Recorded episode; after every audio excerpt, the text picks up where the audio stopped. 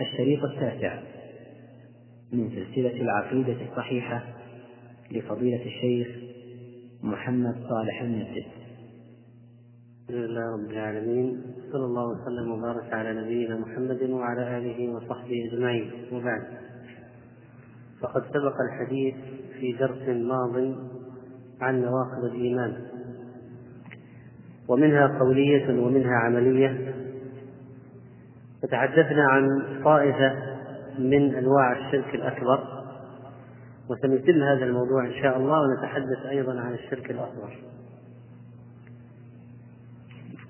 فمن أنواع المكفرات ونواقض الإيمان كفر الإباء والاستكبار والامتناع وهذا مناقض لعمل القلب وهو ككفر إبليس وفرعون واليهود الذين عرفوا الحق فلم ينقادوا ولم يستسلموا له. وقال تعالى عن إبليس وإذ قلنا للملائكة اسجدوا لآدم فسجدوا إلا إبليس أبى واستكبر. قال شيخ الإسلام ابن تيمية رحمه الله وكفر إبليس وفرعون واليهود ونحوهم لم يكن أصله من جهة عدم التصديق والعلم فإن إبليس لم يخبره أحد بخبر بل أمره الله بالسجود لآدم فأبى واستكبر وكان من الكافرين. فكفره بالإباء والاستكبار لا لأجل التكذيب. وكذلك فرعون وقومه جحدوا بها واستيقنتها أنفسهم ظلما وعلوا. وقال ابن القيم رحمه الله تعالى في بيان أنواع الكفر الأكبر وأما كفر الإباء والاستكبار فنحو كفر إبليس فإنه لم يجحد أمر الله ولا قابله بالإنكار وإنما تلقاه بالإباء والاستكبار. إبليس ما أنكر ولا جحد لكن أبى واستكبر. ومع هذا فإنه كافر كما هو معلوم. ويدخل في هذا أيضا كما قال ابن القيم رحمه الله ومن هذا كفر من عرف صدق الرسول. وأنه جاء بالحق من عند الله ولم ينقد له إباء واستكبارا وهو الغالب على كفر أعداء الرسل.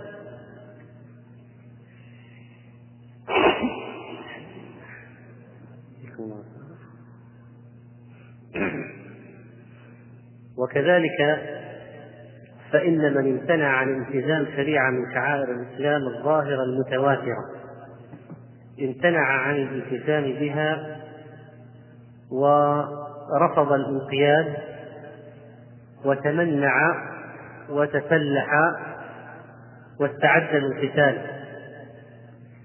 هذه المسألة التي يسميها العلماء قتال الطائفة الممتنعة. أجمع العلماء على وجوب قتال الطائفة الممتنعة عن شريعة من شرائع الإسلام. الظاهرة المتواترة واستندوا إلى عدة أدلة.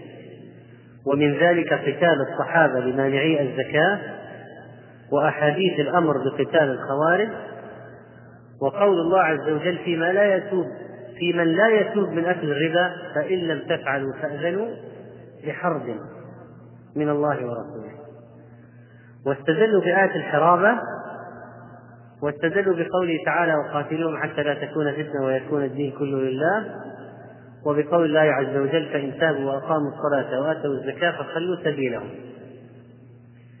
وقد ذكر شيخ الإسلام ابن تيمية رحمه الله تعالى هذه المسألة قائلا فقد أخبر تعالى أن الطائفة الممتنعة إذا لم تنتهي عن الربا فقد حاربت الله ورسوله. والربا آخر ما حرم الله في القرآن. فما حرمه قبله أوكد وقال تعالى إنما جزاء الذين يحاربون الله ورسوله ويسعون في الأرض فسادا أن يقتلوا أو يصلبوا أو تقطع أيديهم وأرجلهم من خلاف أو ينفوا من الأرض. فكل من امتنع من أهل الشوكة يعني القوة والسلاح عن الدخول في طاعة الله ورسوله فقد حارب الله ورسوله. ومن عمل في الأرض بغير كتاب الله وسنة رسوله فقد سعى في الأرض فسادا. ولذلك فإن هؤلاء الممتنعين عن التزام شريعة لو الزكاة مثلا فقط امتنعوا عن التزام شريعة من شرائع الإسلام الظاهرة المتواترة يجب قتالهم حتى يلتزموا شرائعه وإن كانوا كما يقول ابن تيمية رحمه الله وإن كانوا ناطقين بالشهادتين وملتزمين بعض شرائعه من شرائع الإسلام. كما قاتل أبو بكر الصديق والصحابة مانعي الزكاة. فعلم أن مجرد الاعتصام بالإسلام مع عدم الالتزام بشرائعه ليس بمسقط للقتال. فالقتال واجب حتى يكون الدين كله لله وحتى لا تكون فتنة. فأيما طائفة يقول ابن تيمية فأيما طائفة؟ امتنعت من بعض الصلوات المفروضة. من بعض الصلوات المفروضة. أو الصيام أو الحج أو عن التزام تحريم الدماء والأموال والخمر والزنا والميسر أو عن نكاح ذوات المحارم أو عن التزام جهاد الكفار أو ضرب الجزية على أهل الكتاب وغير ذلك من واجبات الدين ومحرماته التي لا عذر لأحد في جحودها وتركها والتي يكفر الجاحد لوجوبها فإن الطائفة الممتنعة تقاتل عليها وإن كانت مقرة بها وهذا مما لا أعلم فيه خلافا بين العلماء.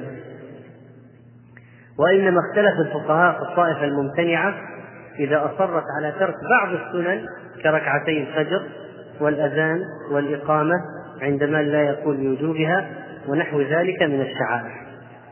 إذا هذه خلاصة إذا في قضية الطائفة الممتنعة الطائفة الممتنعة عن شريعة من شرائع الإسلام أنهم يقاتلون. بقي السؤال هنا هل يقاتلون قتال بغاة أو قتال كفار؟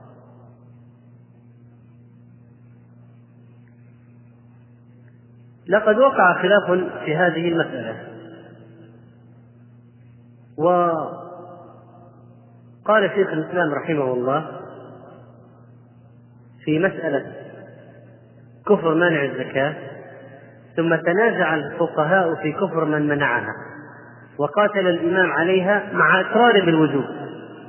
بس قال أنا ما أخذ أنا ما أعترف الزكاة واجبة لكن لا أخذ وأقاتل على قولين هما روايتان عن أحمد كالروايتين عنه في تكفير الخوارج. لأنه قال مرة بتكفيرهم ومرة بأنهم بغاة. مرة قال هم كالمرتدين. مرة روي عنه أنه قال بغاة. قال شيخ الإسلام وأما أهل البغي المجرد فلا يكفرون باتفاق أئمة المسلمين. وشيخ الإسلام رحمه الله تعالى رجح تكفير الممتنع عن الشرائع الظاهرة المتواترة إذا كانوا طائفة وقاتلوا الإمام. قال يكفرون. فإذا قتالهم يكون قتال كفر. قال في مسألة هل يجوز اتباع مجبرهم وقتل أسيرهم والإجهاز على جريحهم؟ على قولين العلماء مشهورين الصواب أن هؤلاء ليسوا من البغاة المتأولين فإن هؤلاء ليس لهم تأويل سائغ أصلا وإنما هم من جنس الخوارج المارقين ومانعي الزكاة والخرمية ممن قتلوا على ما خرجوا عنه من شرائع الإسلام. إلى آخر كلامه في هذه المسألة. لكن يا إخوان من الذي يقاتل هؤلاء؟ القادر عليه. ولذلك من الفتن التي حصلت في المسلمين اليوم في هذا الزمان أن قوما قد احتجوا بفتوى شيخ الإسلام ابن تيمية رحمه الله في إعلان الجهاد بين المسلمين لأجل هذه القضية. وقد يصح قولهم في وجود الطائفة الممتنعة أنه يوجد طوائف في بلاد المسلمين ممتنعة عن إقامة بعض أحكام الدين. أو الشريعة كلها لكن متى يجوز أن يقاتلوا؟ إذا قدر على ذلك إذا لم يقدر عليه فيكون إشعال الحرب ورفع السلاح. في هذا خطأ ظاهر.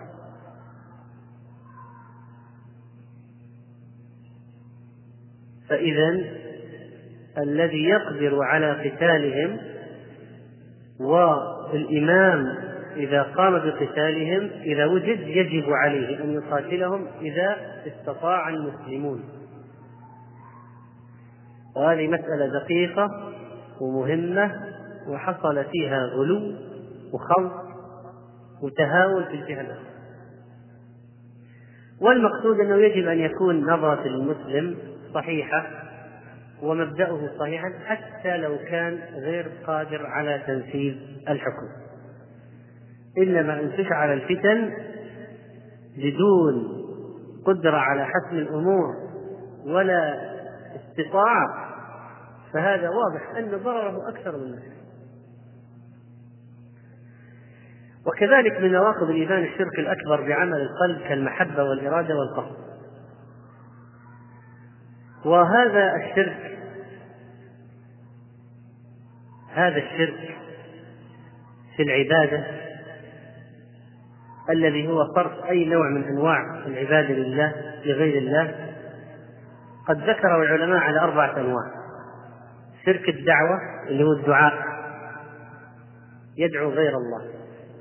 وشرك النية والإرادة والقصد وشرك الطاعة وشرك المحبة. وهذه الأنواع ترجع إلى شرك في الاعتقاد وهو عمل القلب وشرك في الأقوال والأعمال. وهذه ترجع إلى عمل القلب أيضا. أما بالنسبة لشرك النية والإرادة والقصد فإن الله عز وجل قد أمر بالإخلاص. وقال عز وجل فمن كان يرجو لقاء ربه فليعمل عملا صالحا ولا يشرك بعبادة ربه أحدا. وما أمروا إلا ليعبدوا الله مخلصين له الدين. وهذا من شروط لا إله إلا الله. لما نقول الشرك في النية والإرادة والقصد لابد أن نوضح ماذا نقصد. النية تطلق في كلام العلماء على تمييز العبادات بعضها عن بعض كتمييز صلاة الظهر عن صلاة العصر مثلا أو تمييز العبادات عن العادات كتمييز غسل الجنابة عن غسل التبرج والتنظف. والمعنى الثاني تمييز المقصود بالعمل. هل هو لله وحده لا شريك له أو لله وغيره أو لغير الله؟ هذه النية التي تكلم عنها العارفون في كلامهم عن الإخلاص وتوجد كثيرا في كلام المتقدمين. وهي النية التي يتكرر ذكرها في كلام النبي صلى الله عليه وسلم. تارة بلفظ النية وتارة بلفظ الإرادة. والله عز وجل قال منكم من يريد الدنيا ومنكم من يريد الآخرة. تريدون عرض الدنيا والله يريد الآخرة. والذين ينفقون ابتغاء مرضات أموالهم ابتغاء مرضات الله وتثبيتا من أنفسهم. طيب هذا الشرك في النية والإرادة والقصد المضاد للإخلاص. المضاد للإخلاص. هذا درجات. فقد يكون شركا أكبر وقد يكون غير ذلك. وها هنا كلام لابن رجب رحمه الله جيد في هذه المسألة. يقول واعلم أن العمل لغير الله أقسام فتارة يكون رياء محضا بحيث لا يراد سوى مراءاة المخلوقين لغرض دنيوي كحال المنافقين في صلاتهم. قال الله عز وجل وإذا قاموا إلى الصلاة قاموا كسالى يراؤون الناس ولا يذكرون الله إلا قليلا. ما صلى إلا لأجل الله. ما صلى لله لا لا ينوي لا ينوي الله ابدا. فهذا العمل لا شك إنه حابط وتارة يعني إذا الأولى أن الدافع للعمل غير الله. يعني يصلي لأجل الناس فقط. ثانيا أن يكون العمل لله ويشاركه الرياء. فما هو حكمه؟ إن شاركه في أصله إن شاركه في أصله فالنصوص الصحيحة تدل على بطلانه وحبوطه يعني لو واحد من أولها من أول العمل من ابتداء العمل عمله لله ولغير الله مع بعض. فهذا يدل على أنه حاضر. كما جاء في حديث أنا أغنى الشركاء عن الشرك. من عمل عملا أشرك معي فيه غيري تركته وشركه. بقيت الحالة الثالثة إن كان أصل العمل لله. أصلا بدأه لله. ثم طرأت عليه نية الرياء فلا يضره. فإن كان خاطرا ودفعه فلا يضره بلا خلاف. إن كان خاطرا ودفعه واحد عمل لله. أثناء العمل بعد مدة من العمل طرأ طارئ رياء. إن دافعه فلا يضره.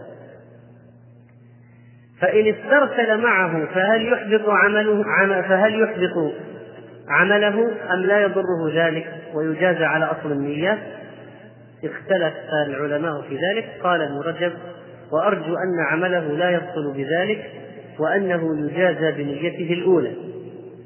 فأما إذا عمل العمل لله خالصا ثم ألقى الله له الثناء الحسن في قلوب المؤمنين بذلك بفضل الله ورحمته واستبشر بذلك لم يضره ذلك. وفي هذا جاء حديث تلك عاجل بشرى المؤمن. ولكن يجب على الإنسان إذا طرأ عليه طارئ رياء أن يدافعه ولا يستمر معه ويسترسل. لكن إذا قلت يحدث في فرق بين يحدث ويأذن. يحدث يقول رجل أرجو أن لا يحدث لأنه بدأه لله. بخلاف ما لو عمله لغير الله أو عمله لله ولغير الله من الأول. فيجب أن يدافع إذا دافع الرياء لو جاء ولا يسترسل معه. وأما شرك المحبة فإن محبة الله أصل كل عمل من أعمال الدين وهي شرط من شروط لا إله إلا الله فلا بد من إخلاص المحبة لله عز وجل. وإذا كانت المحبة أصل كل عمل وحركة وكذلك الإرادة فلا بد أن تجعل لله تعالى. وهذه المحبة لو بطلت بطلت جميع مقامات الإيمان والإحسان وتعطلت منازل السير إلى الله فهي كالروح في العمل. إذا انتهت انتهى العمل. والعلامات التي تدل على المحبة كثيرة منها فعل الواجبات من الأقوال والأعمال الظاهرة والباطنة. محبة أولياء الله وبغض أعدائه اتباع الرسول صلى الله عليه وسلم. قل إن كنتم تحبون الله فاتبعوني إذا هذه لها علامات أما شرك المحبة شرك المحبة المذكور في قوله تعالى ومن الناس من يتخذ من دون الله أندادا يحبونهم كحب الله فهؤلاء الذين أشركوا مع الله تعالى في المحبة والتعظيم بأن يحب مخلوقا كما يحب الله. فهذا من الشرك الذي لا يغفره الله عز وجل. إذ نسويكم برب العالمين. ومن جعل غير الرسول صلى الله عليه وسلم تجب طاعته مثل الرسول صلى الله عليه وسلم أو حبه مثله أو استغاث به مثله مثل ما يستغيث بالله فهذا طبعا يكون مشركا بالله تعالى. وكل من اتخذ من دون الله ندا يدعوه ويرغب إليه ويرجوه لما يؤمله من قضاء الحاجات وتفريج الكروبات حتى لو كان النبي محمد صلى الله عليه وسلم. فهو كافر مشرك لأن الله عز وجل لا بد أن يفرد بالتوحيد وأن لا يلجأ في تفريج الكروبات وقضاء الحاجات إلا إليه سبحانه وتعالى إذا كان لا يقدر على ذلك إلا الله. فلا يجوز أن يلجأ إلى غير الله واللجوء إلى غير الله فيما لا يقدر عليه إلا الله شرك. أما الاستعانة بالمخاليق في قضاء أمور الدنيا التي يقدرون عليها فما دامت في مباح فهي جائزة. وأما بالنسبة للنواقض التي تنقض عن تنقض الإيمان فإن منها أيضا التشريع كفر التشريع. من المعلوم أن الحكم لله عز وجل وأن هذا الأمر من توحيد الربوبية مثل ما اختص الله عز وجل بالخلق والرزق والإحياء والإماتة كذلك التشريع مختص به. فهو حق لله وحده. فهو حق لله وحده. إذا علمنا أن التشريع من خصوصيات الرب عز وجل ولا يجوز أن يشرع إلا هو سبحانه وتعالى. فإننا نعلم عند ذلك أيها الإخوة أن الذي يدعي حق التشريع كافر خارج عن الملة. والله عز وجل قد أنزل شريعته وحكم. وقال سبحانه وتعالى إن الحكم إلا لله. وما اختلفتم فيه من شيء فحكمه إلى الله. فإذا قوله إن الحكم إلا لله يقص الحق إن الحكم إلا لله أمر أن لا تعبدوا إلا إياه. وقال له الحكم وإليه ترجعون. دليل واضح على أن قضية التشريع خاصة بالله وقد ذكرنا سابقا أنه لا يكفي الإيمان بالله حتى يكفر الإنسان بالطاغوت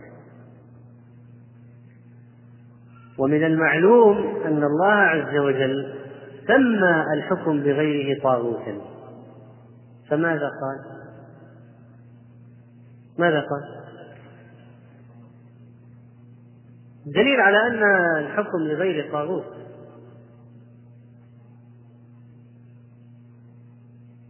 التحاكم إلى غير الله طاغوت. تحكيم غير الله طاغوت. يريدون أن يتحاكموا إلى الطاغوت وقد أمروا أن يكفروا به.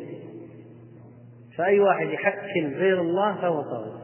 أي واحد يشرع غير الله فهو طاغوت. يعني لما تقول شرع يشرع مشرع تشريع فاعرف المسألة هذه مختصة بالله. إذا واحد ادعاها غير الله يكفر إذا واحد صدق ووافق وأجاز لغير الله أن يشرع كفر. لأن يا جماعة هذه مثل الصلاة التشريع مختصر. يجوز يصلي لغير الله؟ ما يجوز. كذلك مثل ما الله متفرد بالخلق والرزق. لا يحيي إلا هو لا يميت إلا هو لا يشرع إلا هو. يجب صحة تصور هذه المسألة لأن فيها عند كثير من الناس ربش وهو عز وجل لا يشرك في حكمه أحدا. وهو الله لا إله إلا هو له الحمد في الأولى والآخرة وله الحكم وإليه ترجعون.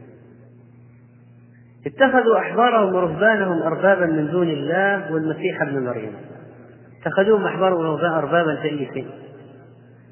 صفة الربوبية الشرك في الربوبية حصل لماذا؟ عند هؤلاء لما جعلهم يشرعون وأخذوا تشريعهم. وأخذوا تشريعهم.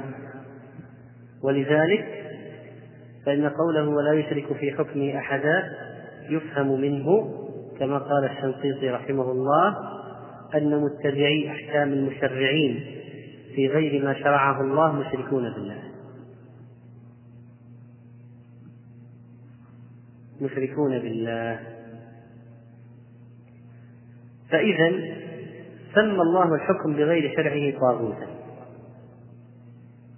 ألم تر إلى الذين يزعمون أنهم آمنوا بما أنزل إليك وما أنزل من قبلك يريدون أن يتحاكموا إلى الطاغوت وقد أمروا أن يكفروا به ويريد الشيطان أن يضلهم ضلالا بعيدا.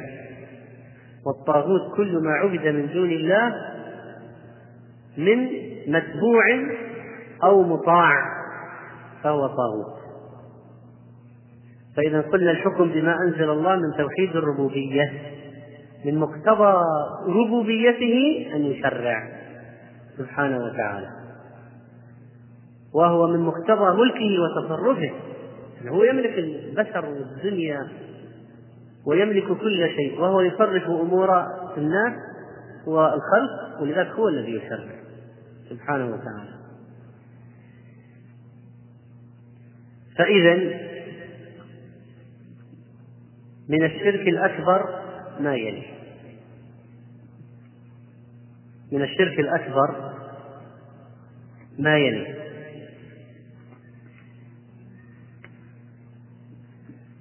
أن يأتي إنسان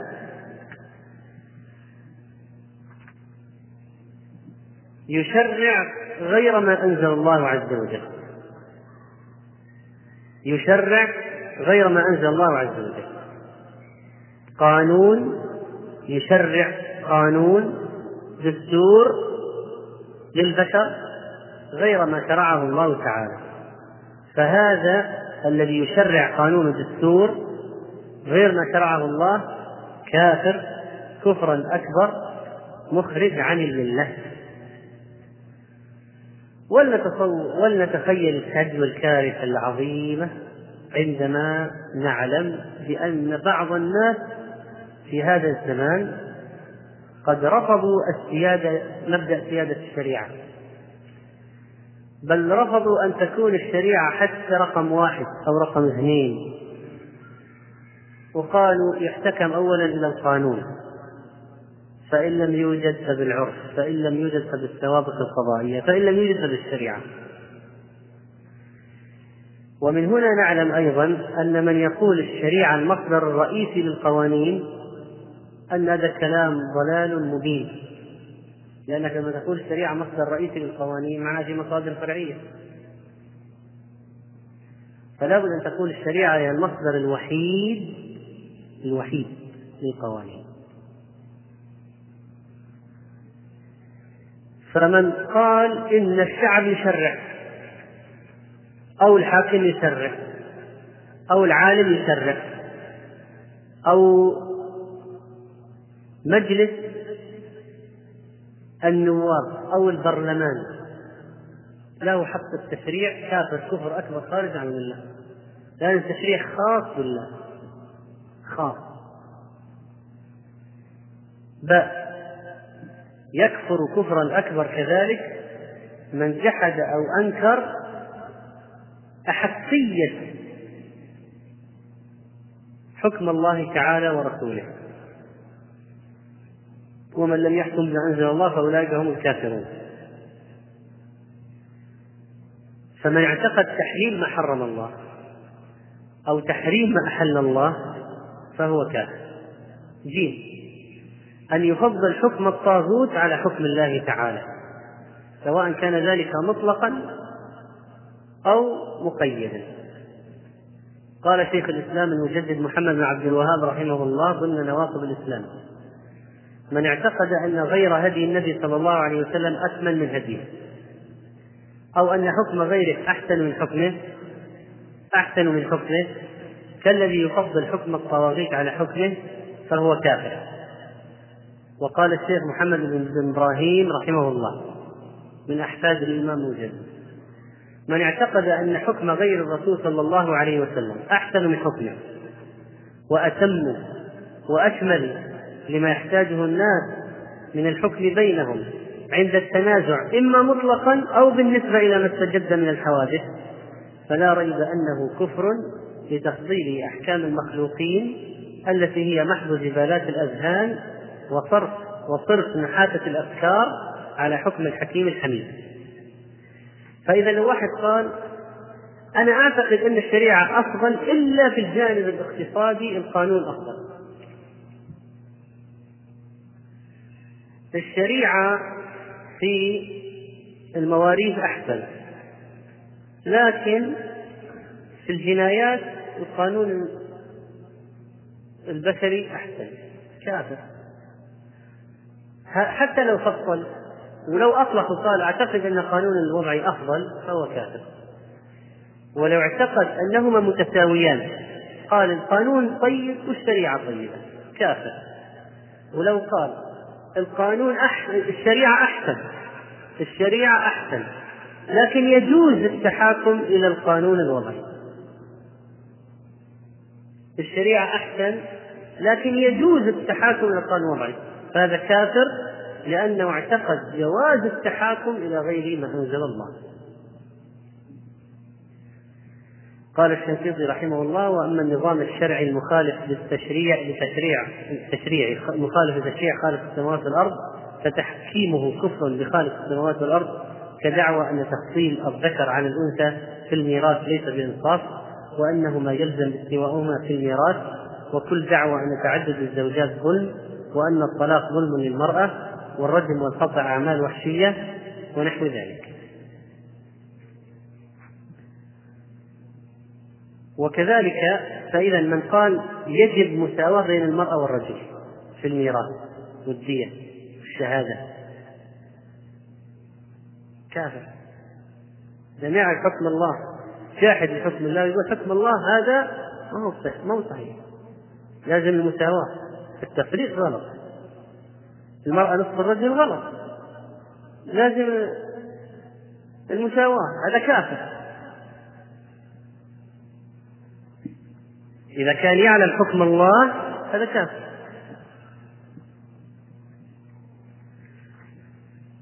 وكذلك من لم يحكم بما أنزل الله إباء وامتناعا. كل واحد لم يحكم ما أنزل الله إباء وامتناعا. استكبارا وامتناعا. ما عنده أي سبب ولا عذر لا مكره ولا قال لا أحكم. ليه؟ قال أنا ممتنع. هكذا أنا ممتنع. امتنع من لم يحكم ما أنزل الله إباء وامتناعا. فكذلك كافر خارج عن الملة. ما هو فقط الجحد والتكذيب مشكلة المرجئة أنهم يقولون ما يكفر إلا الجاحد المكذب. هو صحيح.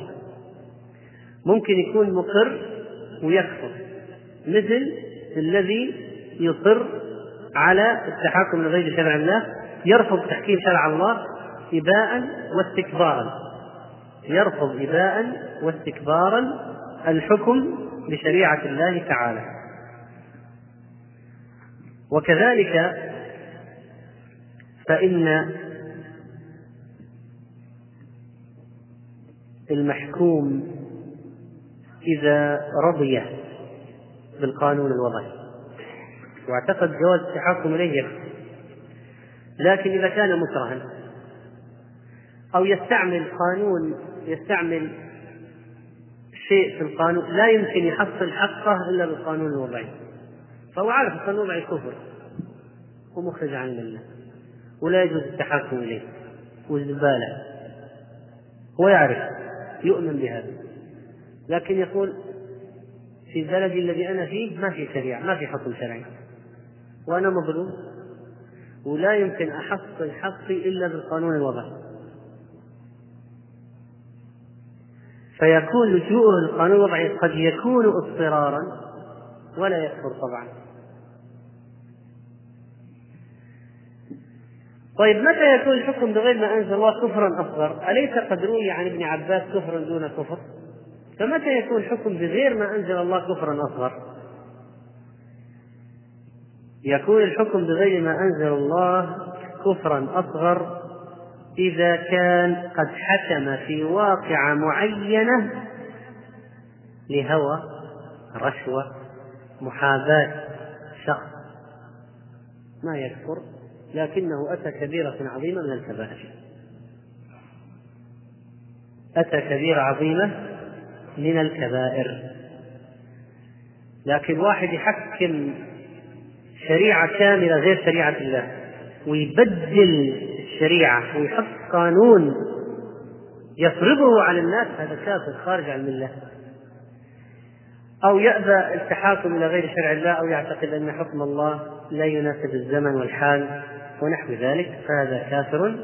وأما إذا حكم في واقعة معينة بغير ما أنزل الله فهذا فاسق أو ظالم كما قال الله ومن لم يحكم ما أنزل الله فأولئك هم الفاسقون ومن لم يحكم ما أنزل الله فأولئك هم الظالمون. فمتى يكون في هذه الحالة؟ لا يكفر في هذه الحالة ويكون ظالما أو فاسقا. ويكون ظالما أو فاسقا. فينبغي إذا تنزيل المسائل على وجوهها الصحيحة. كذلك من نواقض الإيمان مظاهرة المشركين على المسلمين لأن هذا مما ينقض عقيدة الولاء والبراء. فلو أن إنسان عاون المشركين على المسلمين وأمدهم بالسلاح أو الرجال أو قاتل معهم ضد المسلمين. فلا شك في كفره كما قد جاء كلام العلماء رحمهم الله تعالى في هذه المسألة كما حصل في بعض الحروب الصليبية قام بعض المنسوبين للإسلام يعاون النصارى ضد المسلمين. في الحملات الصليبية على الشام والأندلس ما حصل من معاونة بعض المسلمين للنصارى على المسلمين.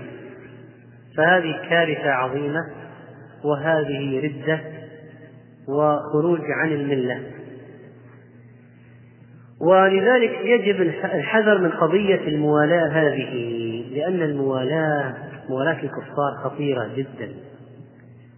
طبعا قد تكون كفرا وقد تكون فسقا. مثلا لو راح عاون المشركين على المسلمين وقاتل المسلمين مع المشركين. فهذا يكون ردة كما يحصل الآن.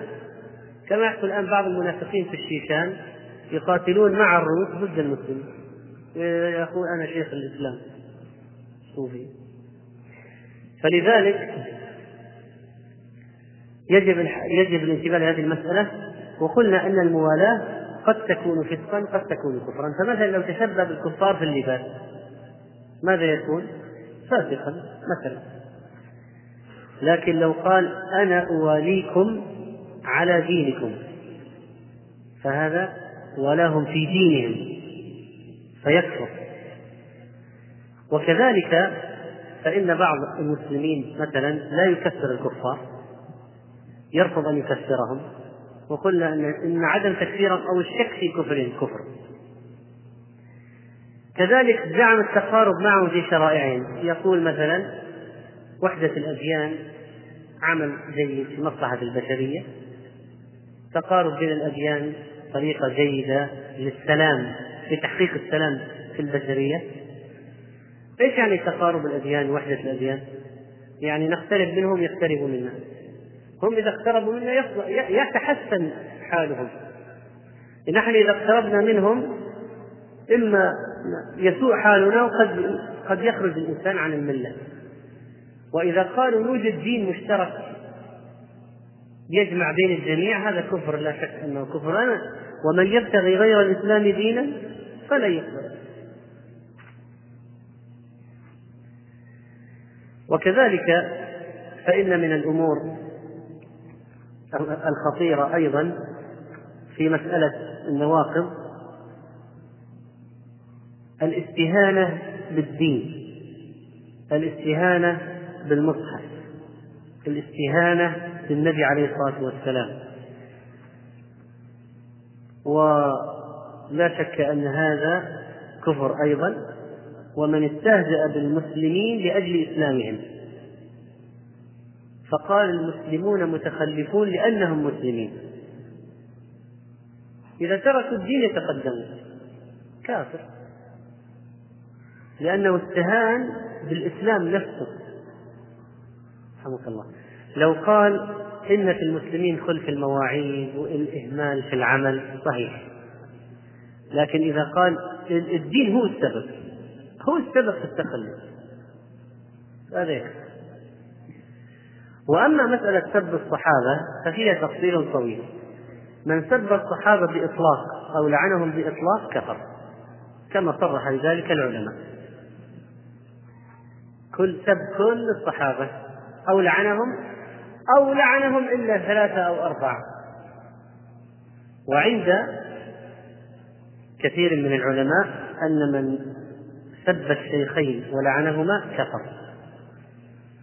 ومن اتهم عائشة بما برأها الله منه وهو الفاحشة والزنا كفر لأنه مكذب بالله مكذب لله. الله قال ما بريئه يقول ليست بريئة فهذا مكذب لله تعالى.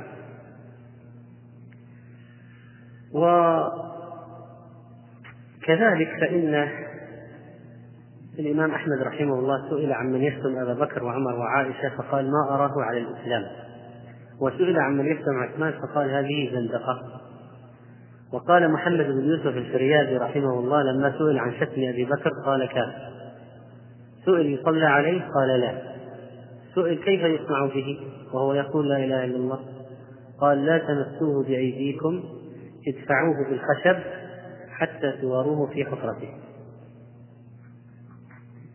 ومن قدم عليا على الشيخين فهو مبتدع. لو هو قال أنا وقت الشيخين لكن علي أفضل منهما. فهذا مبتدع قد أجرى على أئمة الإسلام.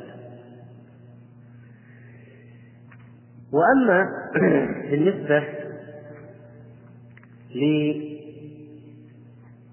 لقذف أي امرأة من أمهات المؤمنين فهذا ولا شك إيذاء للنبي صلى الله عليه وسلم وتنقص له. وقد قال الله الخبيثات للخبيثين والخبيثون للخبيث الخبيثات للخبيثين والخبيثون للخبيثات. والطيبات للطيبين والطيبون للطيبات. فإذا كانت عائشة خبيثة مثلا على زعمه اتهم من بالخبث النبي صلى الله عليه وسلم. وهذا جاء إلى واحد من علماء الإسلام سئل الحسن بن زيد رجل يذكر قبيح يذكر في عائشة الفاحشة. فأمر بضرب عنقه. فقال واحد من الناس هذا يعني ليس هذا من المسلمين. فقال معاذ الله هذا رجل طعن على النبي صلى الله عليه وسلم. قال الله الخبيثات وذكر الآية. فإذا كانت عائشة خبيثة فالنبي صلى الله عليه وسلم خبيث فهو كافر. فاضربوا عنقه وضربوا عنقه. ولذلك وكذلك سبق الكلام بأن من زعم أنهم ارتدوا على خمسة أو ستة كما قال الشيخ محمد بن عبد الوهاب رحمه الله أن هذا هدم لأساس الدين لأن أساسه القرآن والحديث فإذا فرض أن يرتدوا إلا خمسة أو ستة كل الروايات التي ساقها هؤلاء الصحابة غير الخمسة أو الستة كلها تسقط. فهذه حيلة خبيثة لإسقاط الدين واضح. والاستهزاء بالعلماء والصالحين إذا كان لصلاحهم وإذا كان لدينهم وإسلامهم كفر. وإذا كان لشيء شخصي قال عن عالم استهزأ به في حركة في حاسة من حواسه في أسلوبه في طريقته. فهذا فاسق فسقا عظيما لأن لحوم العلماء مسمومة. لكن لو أنه استهزأ بهم لدينهم استهزأ بالمطاوع بالمتدينين لأجل تدينهم. هذا يكفي لأن استهزاءه يعود على إيه؟ على الدين نفسه. لكن استهزأ بهم مثلا لشيء في لقضية مثلا في الأخلاق. فهذا يفسق بسخريته أو بسبه أو بشتمه لهؤلاء إذا كان في مسألة ليست من تدينهم. مثلا جاء على واحد معين آه، مثلا عابه في شيء يتعلق بأمر غير تدينه شيء شخصي. فهذا طبعا لا يكفر. وأما بالنسبة لمسألة السحر وما أدراك ما السحر فإن السحر قد ذكر الله سبحانه وتعالى في القرآن ما يدل على كفر متعاطيه. وما يعلمان من أحد حتى يقول إنما نحن فتنة فلا تكفر. فلذلك مسألة الساحر عند العلماء في الحقيقة يوجد فيها تفصيل. فمن اعتقد أن الساحر ينفع ويضر من دون الله فهذا كافر واضح. وكذلك فإن السحر تعلمه حرام واستعماله حرام بلا شك. لكن ذكر بعض أهل العلم أن تعلم السحر أن تعلم السحر كفر وإن لم يعمل به. وقال ابن قدام رحمه الله ويكفر الساحر بتعلمه وفعله سواء اعتقد تحريمه أو إباحته.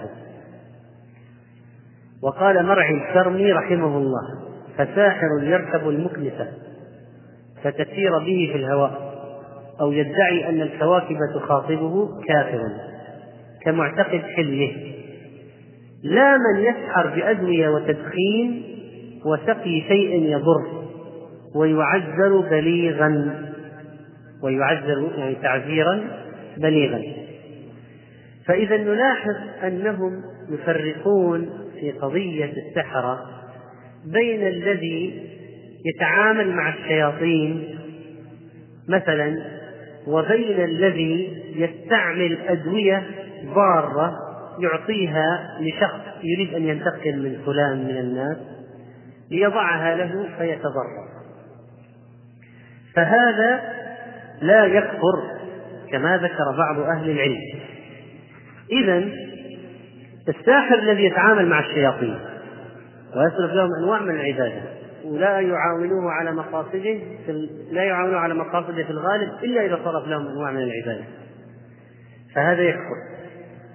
وأما إن كان سحره من قبيل الأدوية الضارة والتدخينات المؤذية فهذا يعذر تعذيرا بليغا.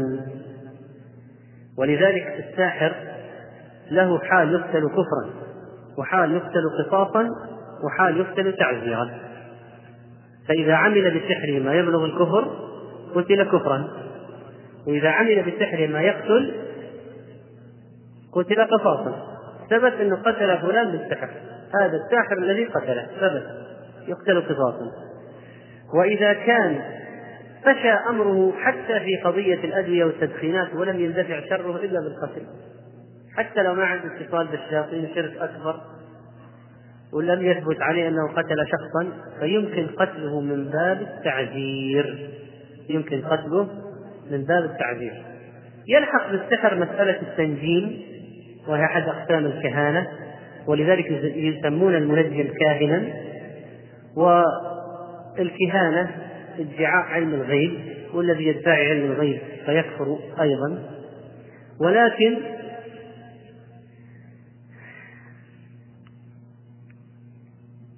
يجب أن يفرق بين من يذهب إليهم مصدقا أنه يعلم ما في الغيب فهذا كافر مثل وبين من يذهب إليهم يقول من باب حب الاستطلاع أنا بشوف هذا إيش طبعا نحن نهينا عن إتيانهم.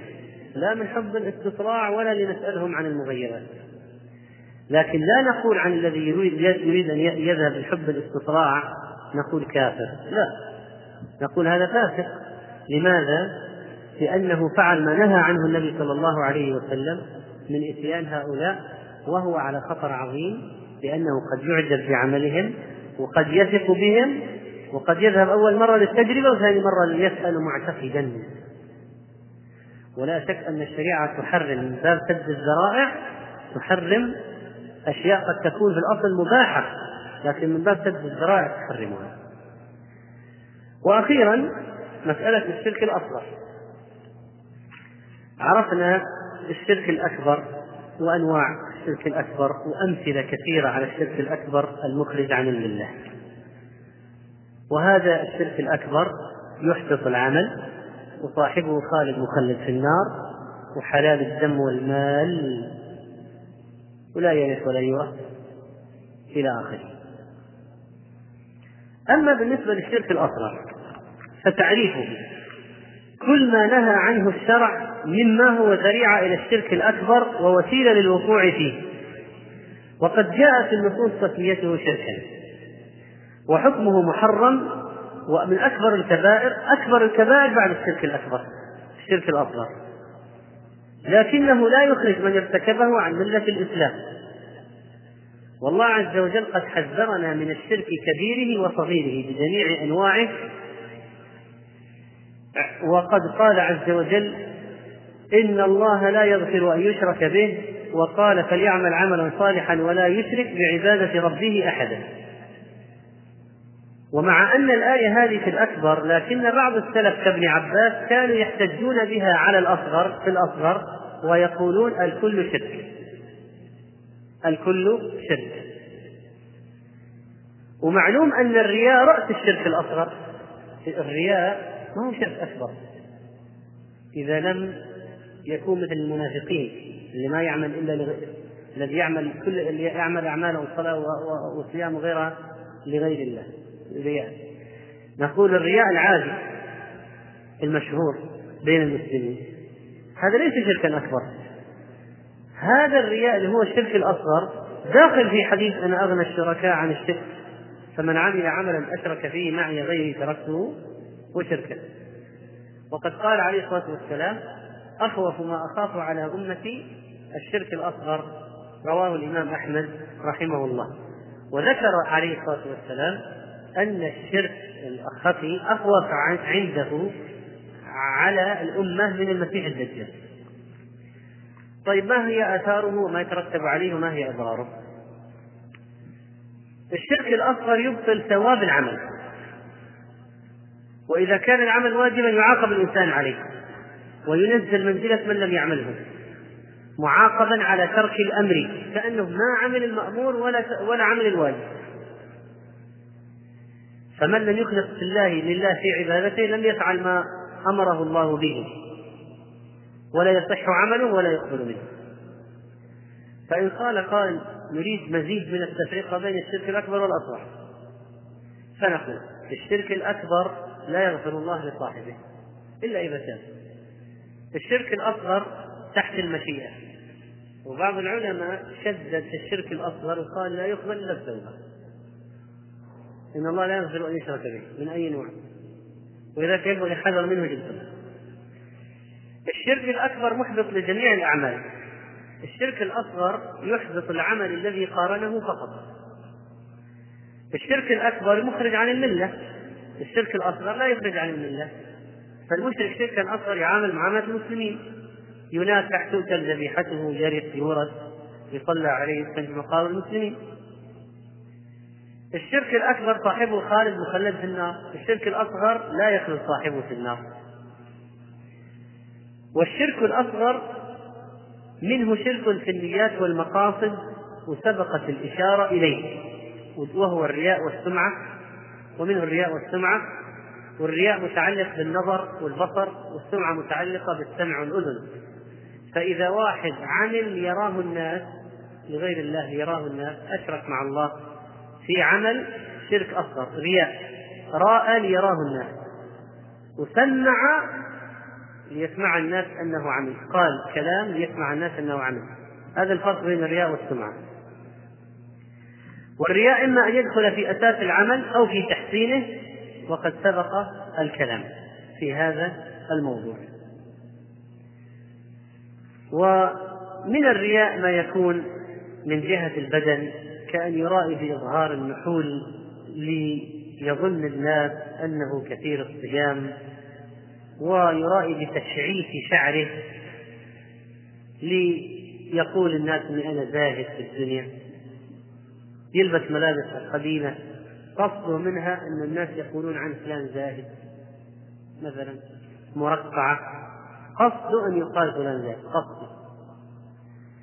يرائي مثلا جهة الزي كما هذا المثال أو يجي واحد يحط علامة للسجود يكون ما في شيء يحط علامة هنا حتى يقول هذا الناس يقول هذا من المصلين كثير الصلاة.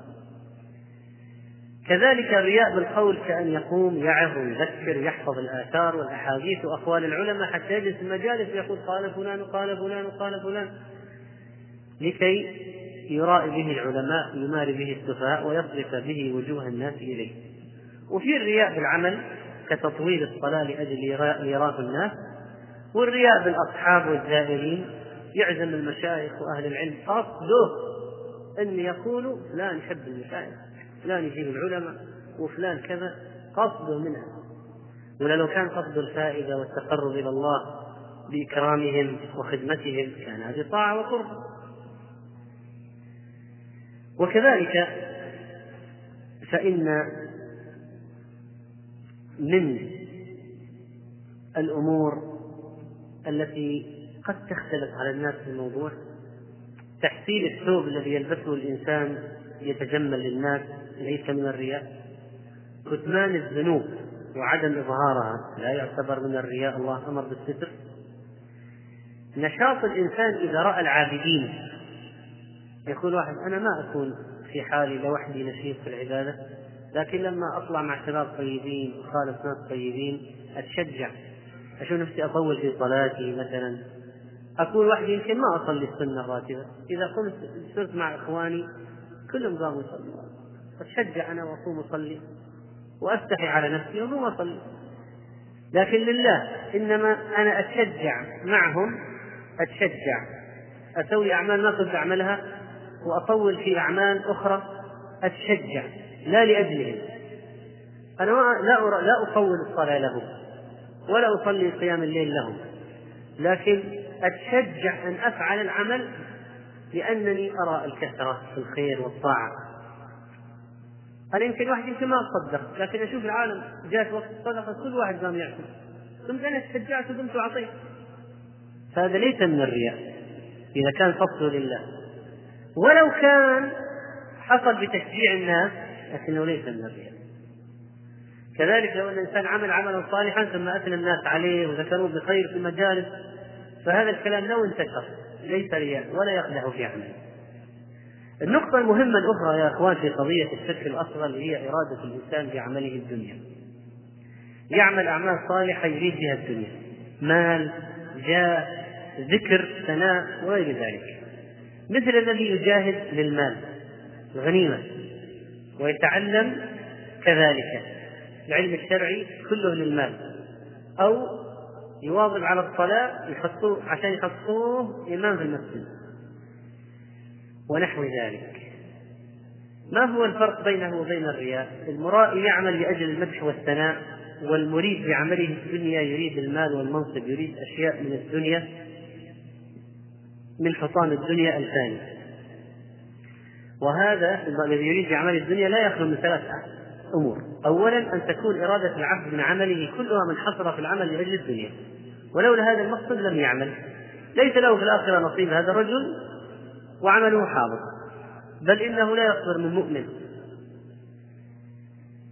الثاني أن تكون إرادته من عمله وجه الله والدنيا. والقصدان متساويان أو متقاربان فهذا شرك أصغر مناف لكمال التوحيد الواجب. يحبط العمل الذي قارنه مثل ما ذكرنا في الرياء. والله لا يقبل إلا ما كان خالصا لوجهه. ثالثا أن تكون إرادة العبد من عمله وجه الله وحده وأخلص فيه لكن يأخذ على عمله جعلا معلوما يستعين به على العمل. مثل العطايا التي تعطى من بيت المال وأرزاق أئمة المساجد والمؤذنين والمفتين والقضاة.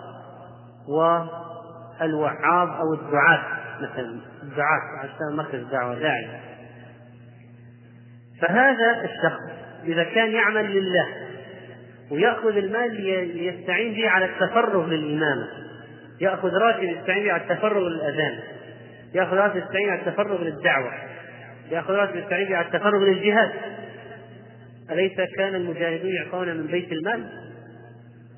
حتى خلاص يتفرغ للجهاد. ما يحتاج يذهب يحترف يعمل في حرفة يكسب قوته وقوت عياله. فهو يعطى بيت المال لتفريغه للجهاد لتفريغه للعلم لتفريغه للدعوة لتفريغه للإمامة والخطابة لتفريغه للفتية. هذا الإنسان لا حرج عليه فيما أخذ ما دام قصده الله. يريد وجه الله بعمله. لكن لو قال أنا شغلي كله للمال. أنا بالحقيقة ما لقيت وظيفة آخذ منها مال فقلت يلا حطوني داعية حطوني مؤذن حطوني ما لقيت سكن ما لقيت سكن. حطوني مؤذن حتى يكون عندي سكن. أنا أبغى السكن أصلا أصلا إيش أبغى في المسجد؟ أنا أبغى البيت حق المسجد ولا أنا أبغى؟ هذا إنسان واضح أن كل قصده في الشغلة البيت حق المسجد. واضح. هذا إرادة من إرادة الإنسان بعمله الدنيا بيت المسجد. يبغى المكافأة. ولذلك تراهم أحيانا مثلا لا يقومون بالعمل. أصلا زاهد في يمكن يأجر يجيب واحد بداله يأذن ويعطيه جزء ويأخذ جزء. قصده المال أصلا ما يبغى لا يأذن ولا فكر ولا يحتسب أجر فيه. ولذلك تراه ما يأذن هو. يجيب واحد يحطه أحيانا.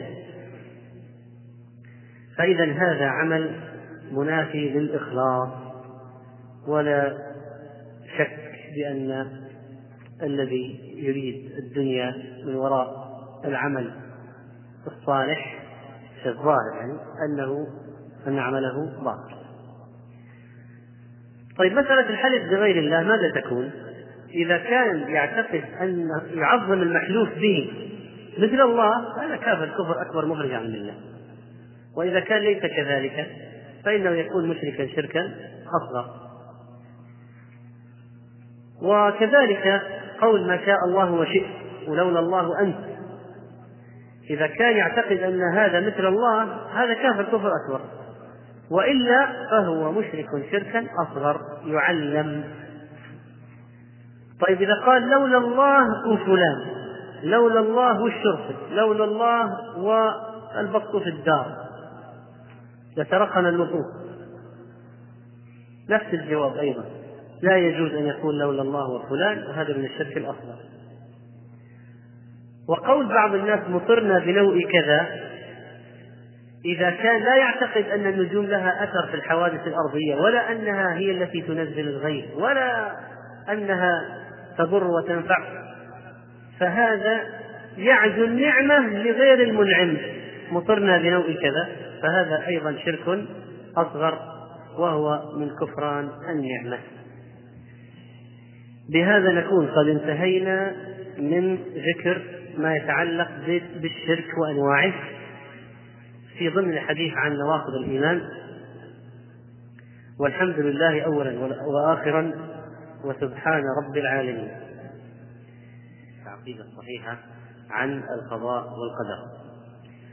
أما القضاء والقدر أيها الإخوة فهو متعلق بتوحيد الربوبية وقد سبق أن توحيد الألوهية هو إفراد الله تعالى بالعبادة وتوحيد الربوبية إفراد الله تعالى بالخلق والملك والتدبير وتوحيد الأسماء والصفات هو توحيد الله تعالى بأسر الله تعالى المكتوم الذي لا يعلمه إلا الله عز وجل مكتوب في اللوح المحفوظ في الكتاب المكنون الذي لا يطلع عليه أحد. أما بالنسبة للقضاء والقدر فإن القضاء والقدر. قد يقول الإنسان ما حكم الكلام فيه وما الحكم الخوض فيه قبل أن نبدأ فيه. هل يجوز لنا أن نخوض فيه وأن نتكلم أم لا؟ إن هناك أحاديث قد جاءت ظاهرها يفيد منع الكلام. كما قال النبي صلى الله عليه وسلم وإذا ذكر القدر فأمسكوا.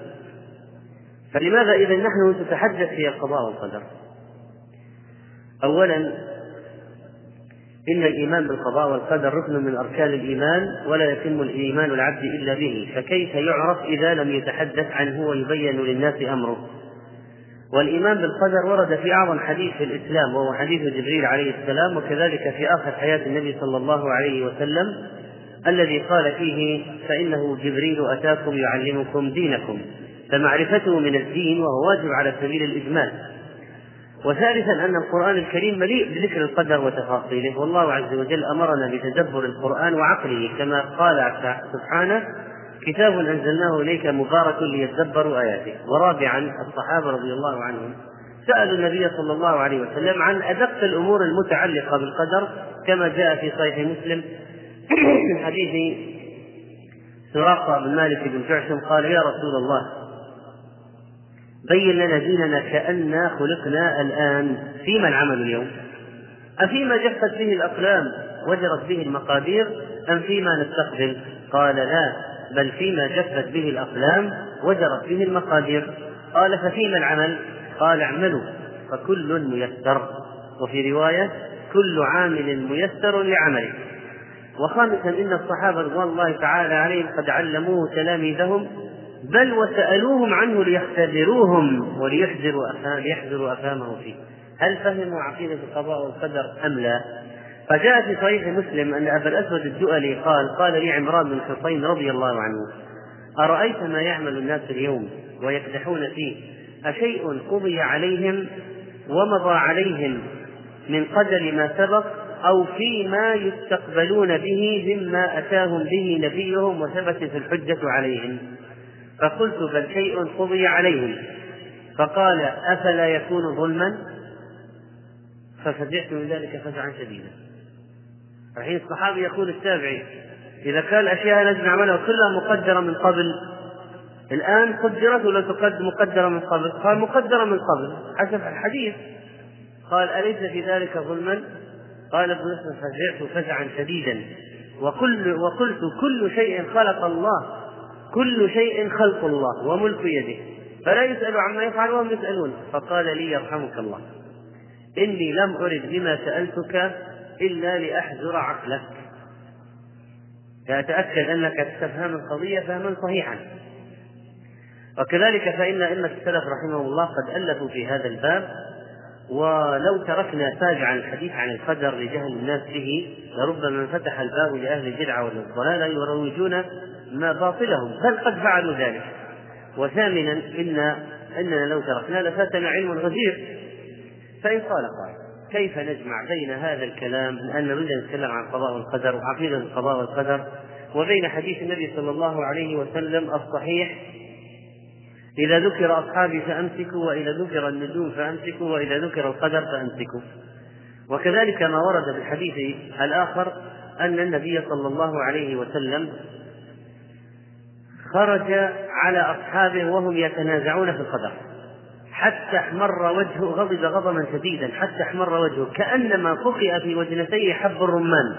رأيتم حب الرمان؟ كأنما فقئ في وجهه حب الرمان. فقال أبهذا أمرتم؟ أم بهذا أرسلت إليكم؟ إنما أهلك من كان قبلكم حين تنازعوا في هذا الأمر أو أهلك حينما تنازعوا في هذا الأمر. عزمت عليكم ألا تنازعوا فيه. والحديث قد حسنه بعض أهل العلم ونريد أن نعرف ما موقع هذين الحديثين إذا في القضية. إن هناك حديث تكلمت في تفاصيل القضاء والقدر وأحاديث لظاهرها تنهى عن الخوض فيه فلا بد أن نوجهها توجيها. فنقول إن الأحاديث التي وردت في النهي عن الخوض فيه إنما المقصود فيها الخوض بلا علم. ولا دليل بل خوض بالباطل. ثانيا أن يخوض الإنسان معتمدا فيه على عقله البشري القاصر. والعقل البشري القاصر لا يمكن أن يستقل بمعرفة تفاصيل العقيدة كما قلنا. أو المقصود أن يخوض الإنسان بالقضاء والقدر مع عدم التسليم والتسليم والإذعان لقضاء الله وقدره لأنه غيب والغيب مبني على التسليم. فإذا خاض الإنسان فيه بغير تسليم يدخل في النهي. وكذلك فيمكن أن نقول إن النهي عن البحث في الجانب الخفي من القدر والقدر سلم الله في خلقه لم يطلع عليه ملك مقرب ولا نبي مرسل. ما أحد اطلع على اللوح المحفوظ ورآه كله ما يعرف ما فيه إلا الله عز وجل. فهذا سر الله. فلو أراد إنسان أن يخوض في الجانب الخفي من القدر فالخوض فيه ينطبق عليه الحديث في النهي وكذلك يمكن أيضا يوجه الحديث بمن أراد أن يسأل أسئلة اعتراضية ويسأل متعنتا متعنتا كما يقول لماذا هدى الله فلان؟ لماذا أضل الله فلان؟ لماذا قبض الله فلان؟ هذا كبير ليش حي؟ وهذاك الصغير الشاب ليش مات؟ هذا الخوض فيه أيضا يدخل في النهي. أما من سأل مستفهما عن الحكمة مثلا واحد قال لماذا هل في حكمة من خلق إبليس؟ ما هي؟ إذا كان يسأل مستفهما للتعلم غير إذا سأل متعنتا للاعتراض. فالذي يخوض متعنتا للاعتراض داخل في النهي ثم الحديث واضح في قضية التنازع. تنازع في القدر يؤدي إلى الاختلاف والاختراق ولا يدخل في التنازع المذموم منازعة الفرق الضالة طبعا ومجادلتهم بالحق لأننا قد أمرنا بها أيها الإخوة. فهذا إذا يحمل عليه سبب غضب النبي صلى الله عليه وسلم وهذا يعني بالجملة أن الكلام في القدر والبحث فيه بالمنهج العلمي الصحيح غير محرم ولا منهي عنه وإنما الذي نهى عنه النبي صلى الله عليه وسلم الخوض بالباطل والتنازع فيه. ما تعريف القضاء والقدر؟ القدر في اللغة مصدر قدر والقاف والدال والراء أصل يدل على مبلغ الشيء وكنهه ونهايته. فالقدر مبلغ كل شيء. وكذلك قدرت الشيء أقدره وأقدره من التقدير والقدر هو القضاء والحكم وهو ما يقدره الله عز وجل من القضاء ويحكم به من الأمور. ويقال التقدير أيضا التروية والتفكير في تسوية الأمر من الأمور. وأما في اصطلاح العلماء فالقدر تقدير الله للكائنات حسب ما سبق به علمه واقتضت حكمته. فقدر الله لو قال واحد ما تعرف القدر نقول القدر ما سبق به العلم وجرى به القلم مما هو كائن إلى الأبد قدر الله مقادير الخلائق وما يكون وعلم عز وجل ما سيقع وعلى أي صفة. فالقدر هو قدر الله ما علمه وكتبه وشاءه وخلقه. وأما بالنسبة للقضاء فإن القضاء في اللغة الحكم والصنع والحكم والبيان وأصله القطع والفصل.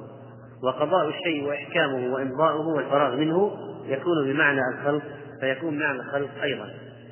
فما العلاقة بين القضاء والقدر وما الفرق بينهما؟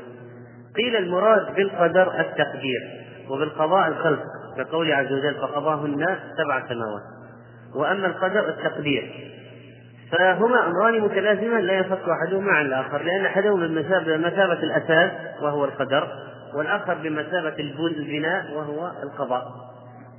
فلا يمكن الفصل. وقيل العكس فالقضاء هو العلم السابق الذي حكم الله به والقدر هو وقوع الخلق وإيجاده وخلقه. وخلق هذه الأحداث الواقعة. وقيل إذا اجتمع افترق وإذا افترق اجتمعا. وقيل هما بمعنى واحد. فالمسألة بينهما في الفرق قضية الفرق يسيرة إن شاء الله. ما هي ثمرات الإيمان بالقضاء والقدر وما أثر ذلك على نفس المسلم؟ أولا القدر مما تعبدنا الله به استسلاما له فلا بد أن نعرف حكم القضاء والقدر الإيمان بالقضاء والقدر أنه واجب لنتعبد الله بالاستسلام لهذا القضاء والقدر. وثانيا إن ذلك طريق للخلاص من الشرك. فالمجوس مثلا ظلوا ظل في باب القضاء والقدر ناس كثر.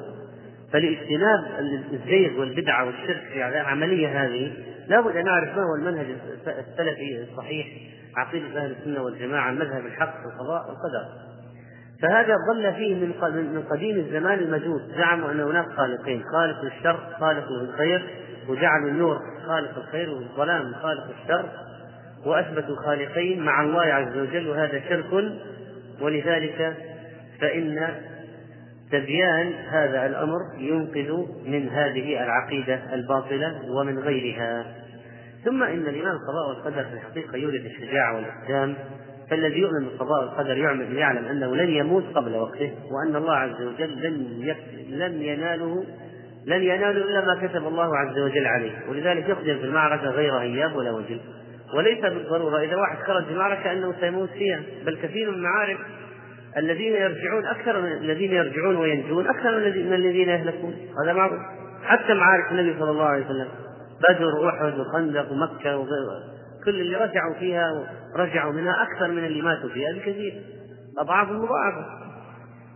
فإذا ما دام هو يعلم أن القدر الذي قدر مكتوب حادث سيارة في معركة تحت. هو إذا لماذا لا يخدم في سبيل الله؟ إن جاءت الشهادة جاءت وإن ما جاءت فهو على خير. ولذلك كان كثير من الشجعان من المسلمين سبب الاندفاع عندهم عقيدتهم قوية بهذه القضية. فهذا القضاء والقدر يرزق العبد بسبب الإيمان به قوة في إيمانه لا يتزعزع ولا يتضعضع ثم كذلك يصبر ويحتسب ويواجه الأخطار والصعاب لماذا؟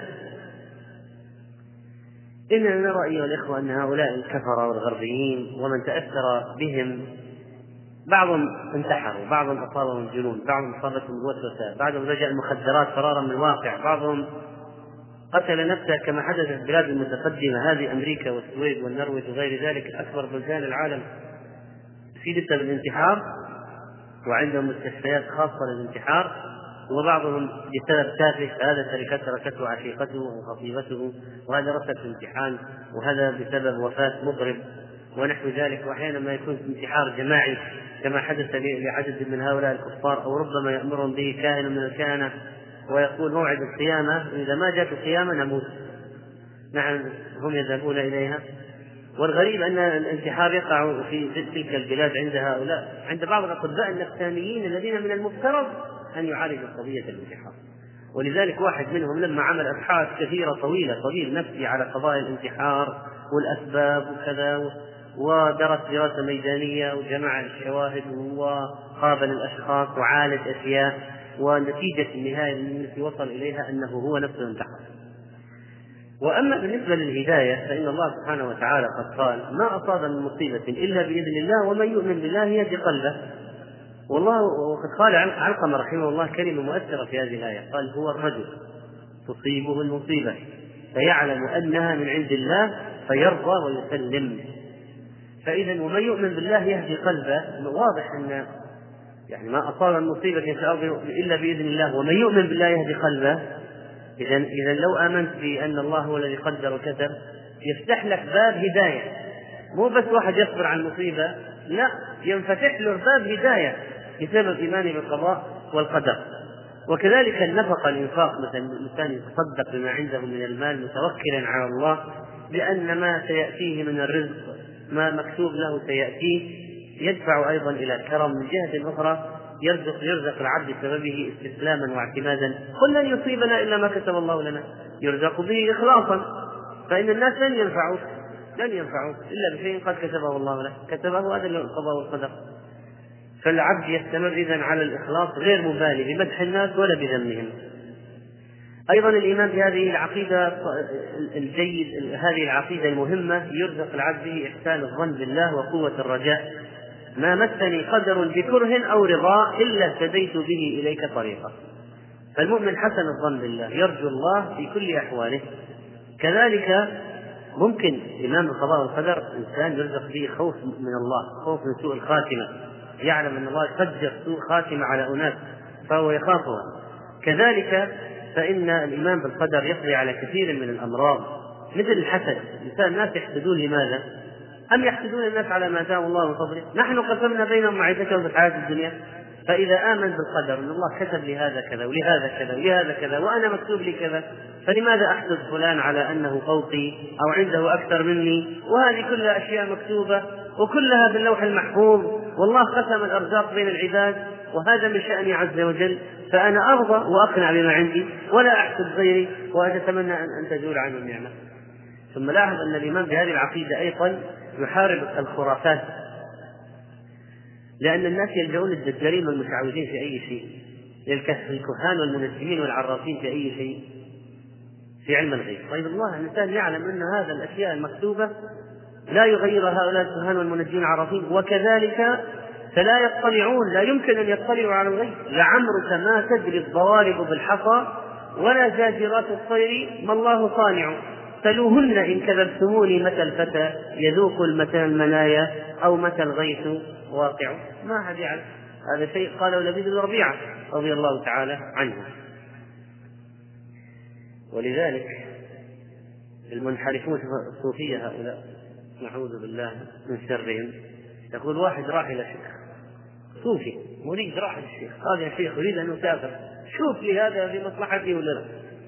قال طيب يا ولد ارجع لي. غدا رجع. غدا قال ها يا شيخ. قال لا السفر ما يصلح. لماذا؟ قال ستقتل ويؤخذ مالك في الطريق. قال بس السفر ضروري. قال هذا اللي أنا رأيته لك. طيب الحل ما مهم. قال إذا أنت مصر اذهب لعبد القادر الجيلاني. طبعا عبد القادر الجيلاني بريء منه ومن عمله كله صوفيه هؤلاء من حريمه قال ذهب إليه قال لو سألت شيخي فلان قال السفر ما هو في مصلحتك وأنا مصر على السفر مهم فحولني عليك. قال هو كما قال لك شيخك يعني هذا سفر غير الشيء قال بس الحل يا شيخ أنا لابد أسافر. قال أنت مصر؟ قال نعم لابد تسافر؟ قال خلاص خلاص مسافر روح سافر راح سافر ورجع ما صار له شيء. راح عند الشيخ قال يا شيخ أنا سافرت ورجعت ما صار لي شيء. قال طبعا. طب انت قلت لي انك سيكون كذا. قال إيه أنا قلت لك. بس حولتك على عبد القادر. عبد القادر شاف شغله. يعني غير مجريات. تدخل ومسح مش مصايب اللي في الطريق. هذا مرتبة وهذاك أنا أعرف بس أنا أعرف الغيب. هذاك يغير الغيب هذا شغل الصوفي.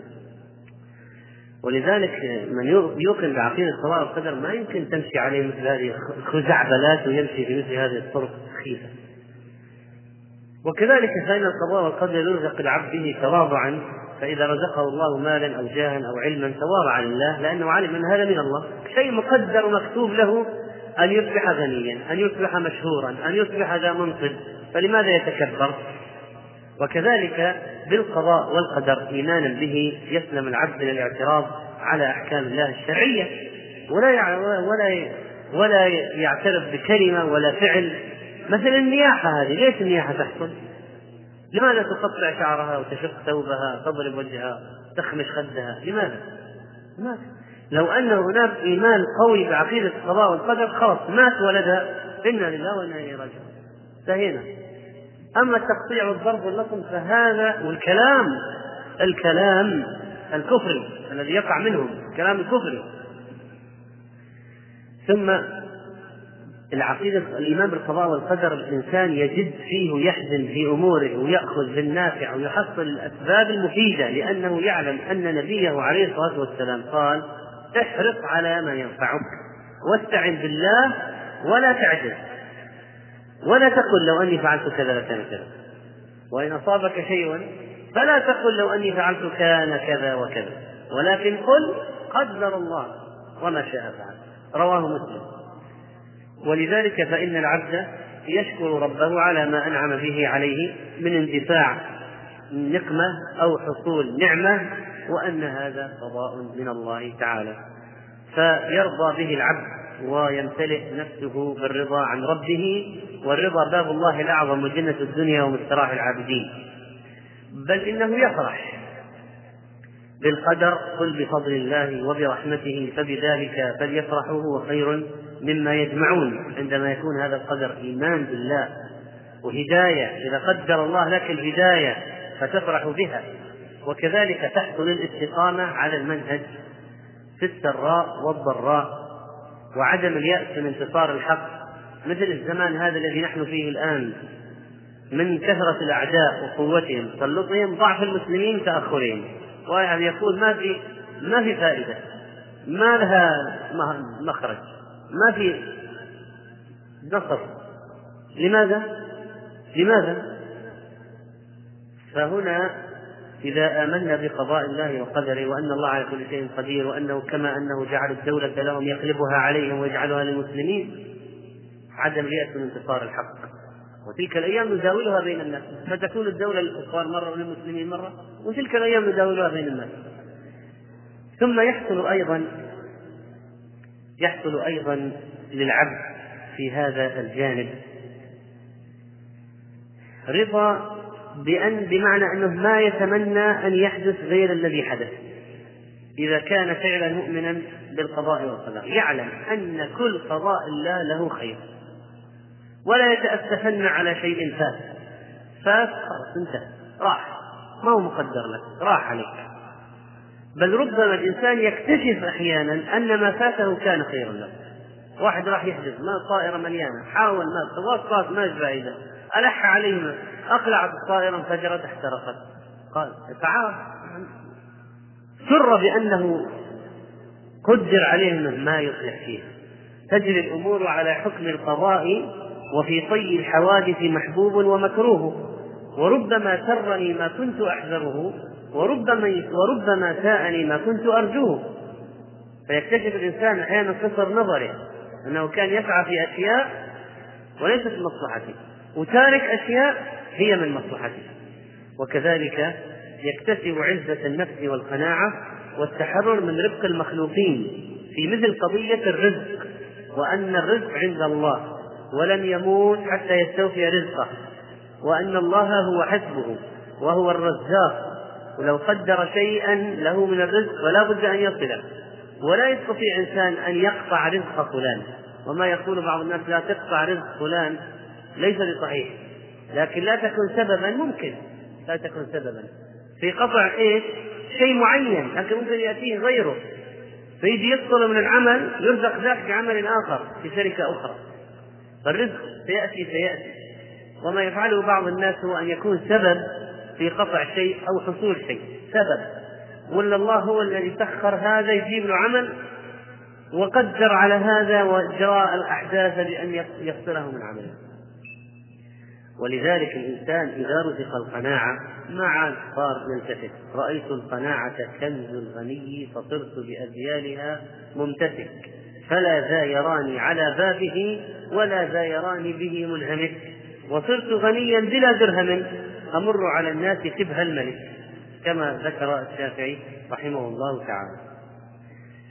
فإذا الفوائد كثيرة والنعيم الذي حصل لعدد من الناس بسبب الإيمان بهذه العقيدة. والسرور كبير بحيث الإنسان فعلا يتملى فيها ويريد أن يأخذ من هذه العقيدة ما ينعش به نفسه ويسر به في حياته. حتى قال عمر بن عبد العزيز رحمه الله أصبحت وما لي سرور إلا في مواضع القضاء والقدر. وهذا يدخل في كلام شيخ الإسلام رحمه الله إن في الدنيا جنة من لم يدخلها لم يدخل جنة الآخرة. وبعض الكفار لما خالطوا المسلمين بعض المسلمين بل بعض البادية والأعراب صار عندهم نوع من الدهشة لاستقرار هذه العقيدة في نفوس المسلمين.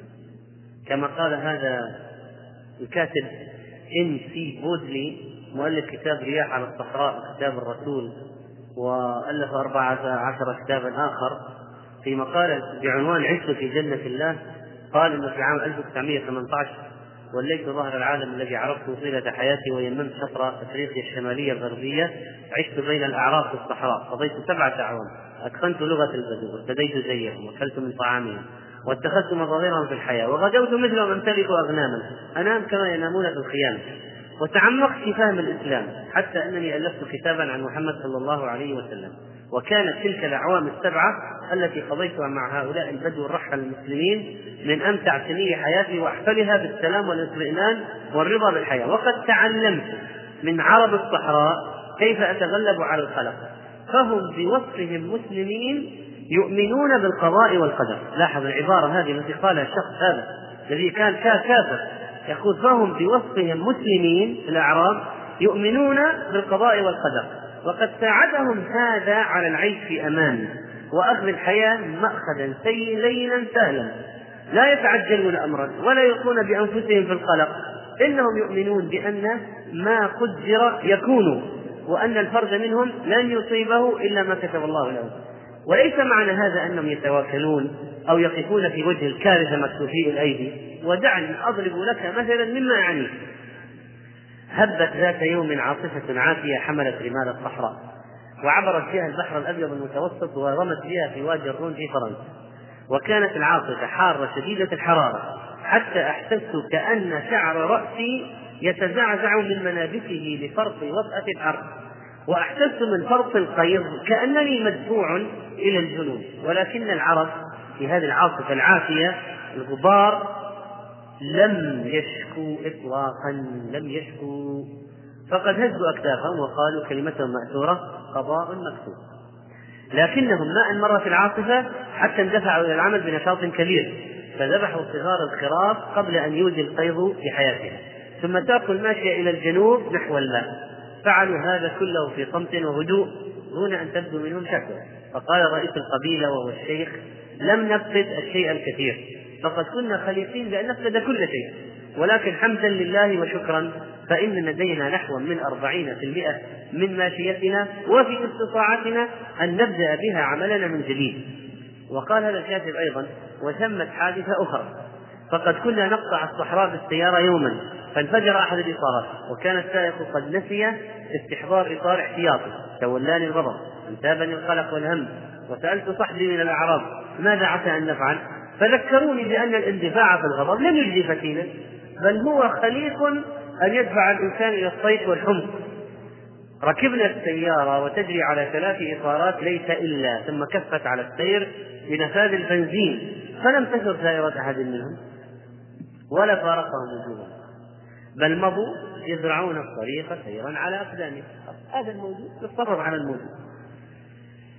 قال في نهاية تجربته قد أقنعتني الأعوام السبعة التي قضيتها في الصحراء بين الأعراب الرحل أن الملتافين ومرضى النفوس والسكيرين الذين تحفل بهم أمريكا وأوروبا ما هم إلا ضحايا المدنية التي تتخذ السرعة أساسا لها. إنني لم أعاني شيئا من القلق قط وأنا أعيش في الصحراء. بل هنالك في جنة الله وجدت السكينة والقناعة والرضا. ختم كلامه بقوله وخلاصة القول أنني بعد انقضاء سبعة عشر عاما على مغادرة الصحراء ما زلت أتخذ مواقف العرب المسلمين الأعراب حيال قضاء الله. فأقابل الحوادث التي لا حيلة لي فيها بالهدوء والامتثال والسكينة. وأفلحت هذه الطباع التي اكتسبتها من أولئك البدو في تهدئة أعصابي أكثر مما تفلح آلاف المسكنات والعقاقير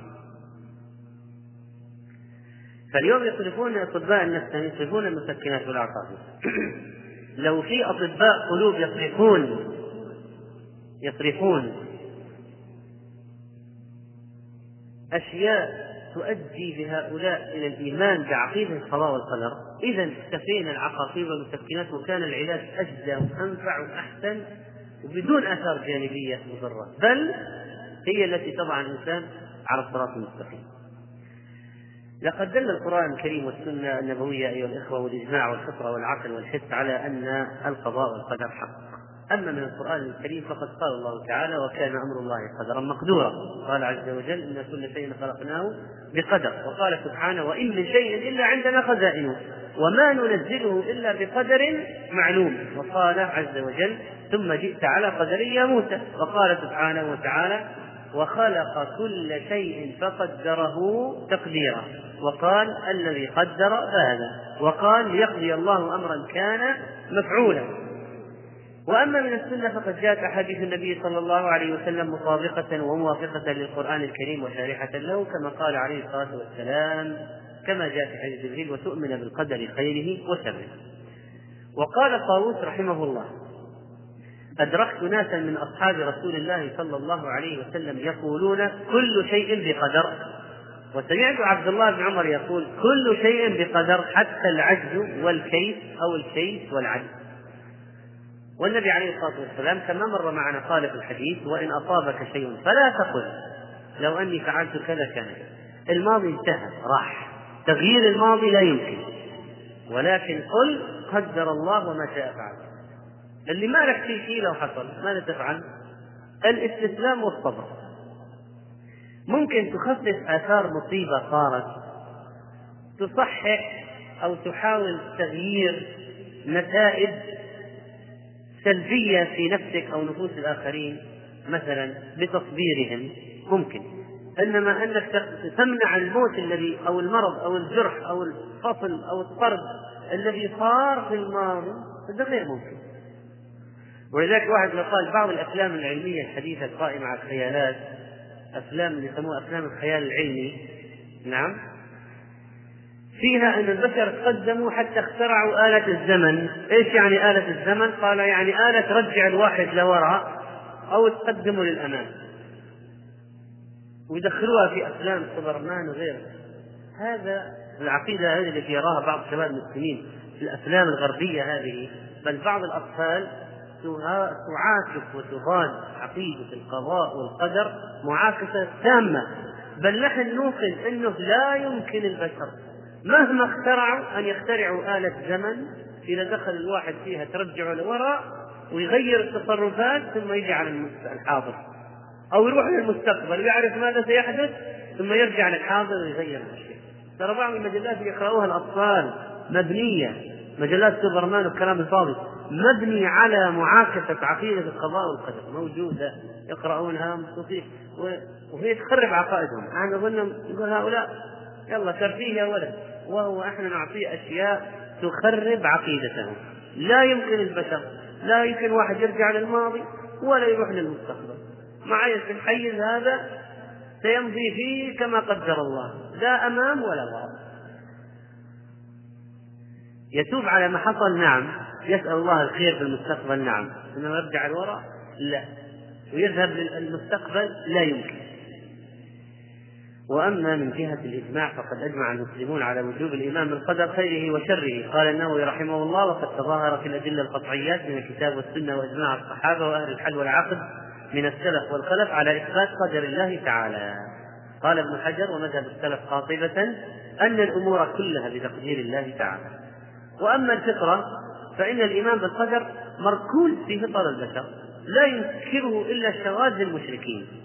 ولم يقع الخطأ في نفي القدر وإنكاره في الجملة وإنما وقع في فهمه على الوجه الصحيح. ولذلك الكفار ما قالوا إن الله ما شاء ولا قدر لكن قالوا في كفرهم وشركهم في تعليمه لو شاء الله ما أشركنا. فإذا ما نفوا القدر لكن احتجوا به غلط واستعملوه غلط وفهموه على غير الوجه الحق. فهم أثبتوا المشيئة ولكنهم بها على الشرك. يريد أن يعلم نفسه بالشرك قال الله قدر جاء وسنأتي إلى هذا من مشيئة الله تعالى. بل إن العرب حتى في الجاهلية كانوا يعلمون أن المنايا مكتوبة. حتى العرب الكفار الذين كانوا في الجاهلية مبثوثا في أشعارهم هذه العقيدة. يا عبل أين من المنية مهربي؟ إن كان ربي في السماء قضاء. وقالوا عنترة يا عبل ترخيم. يا عبلة عبلة. يا عبل أين من المنية مهربي؟ إن كان ربي في السماء قضاها وقول طرف ابن العبد فلو شاء ربي كنت قيس بن خالد ولو شاء ربي كنت عمرو بن مرتدي. وقال لبيد صادفنا منها صادفنا منها غرة فأصبنها إن المنايا لا تطيش سهامها. المنايا يعني الموت. لا تطيش سهامها. وأن سوف تدركنا المنايا مقدرة لنا ومقدرين. هذا قاله عمرو بن كلثوم الشاعر الجاهلي. وهانئ بن مسعود الشيباني في خطبة ذي قار لما خطب بقومه قال لهم العبارة المشهورة أن الحذر لا ينجي من قدر. تجري المقادير على غرز الإبر. ما تنفذ الإبرة إلا بقدر. وامرؤ القيس قال إن الشقاء على الأشقين مكتوب. ولما دخل بعض هؤلاء في الإسلام صارت أشعارهم طبعا منطلقة من هذا الدين. إن تقوى ربنا خير نفل وبإذن الله ريثي وعجل أحمد الله فلا ند له بيديه الخير ما شاء فعل.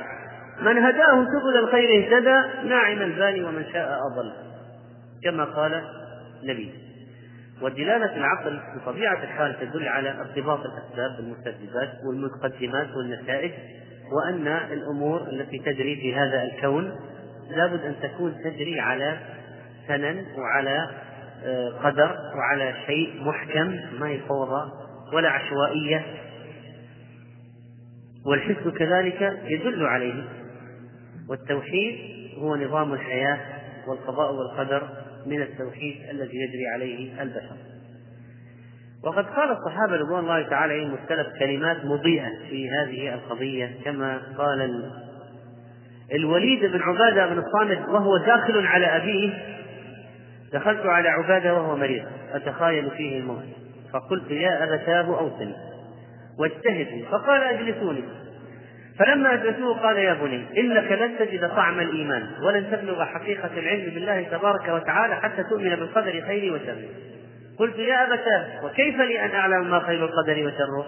قال تعلم أن ما أخطأك لم يكن ليصيبك وأن ما أصابك لم يكن ليخطئك يا بني إني سمعت رسول الله صلى الله عليه وسلم يقول إن أول ما خلق الله تعالى القلم. ثم قال اكتب فجرى بتلك الساعة بما هو كائن إلى يوم القيامة. يا بني إن مت ولست على ذلك دخلت النار. الحديث رواه الإمام أحمد قال الألباني رحمه الله بعد تتبع طرقه إسناده صحيح أو الحديث صحيح بلا ريب. وقال ابن عباس رضي الله تعالى عنه كل شيء بقدر حتى وضع حتى وضعك يدك يدك على خدك. وقال عكرمة سئل ابن عباس كيف تفقد سليمان الهدهد من بين الطير؟ قال إن سليمان صلوات الله عليه نزل منزلا فلم يدري ما بعد الماء ما عمقه في الأرض. وكان الهدهد مهندسا. طبعا الكلمة هذه كلمة عربية. مهندسا. فالهدهد فيه خاصية اللي يعرف الهدهد عمق الماء. عنده خاصية ركبها الله فيه يعرف عمق الماء. فأراد أن يسأل عن الماء ففقد الهدهد.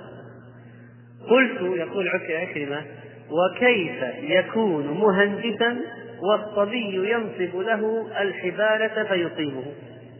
يعني كيف هذا الهدهد المهندس والولد الصغير يضع له شرك وفخ للهدهد ويصيبه فقال ابن عباس رضي الله عنه إذا جاء القدر حال دون البصر.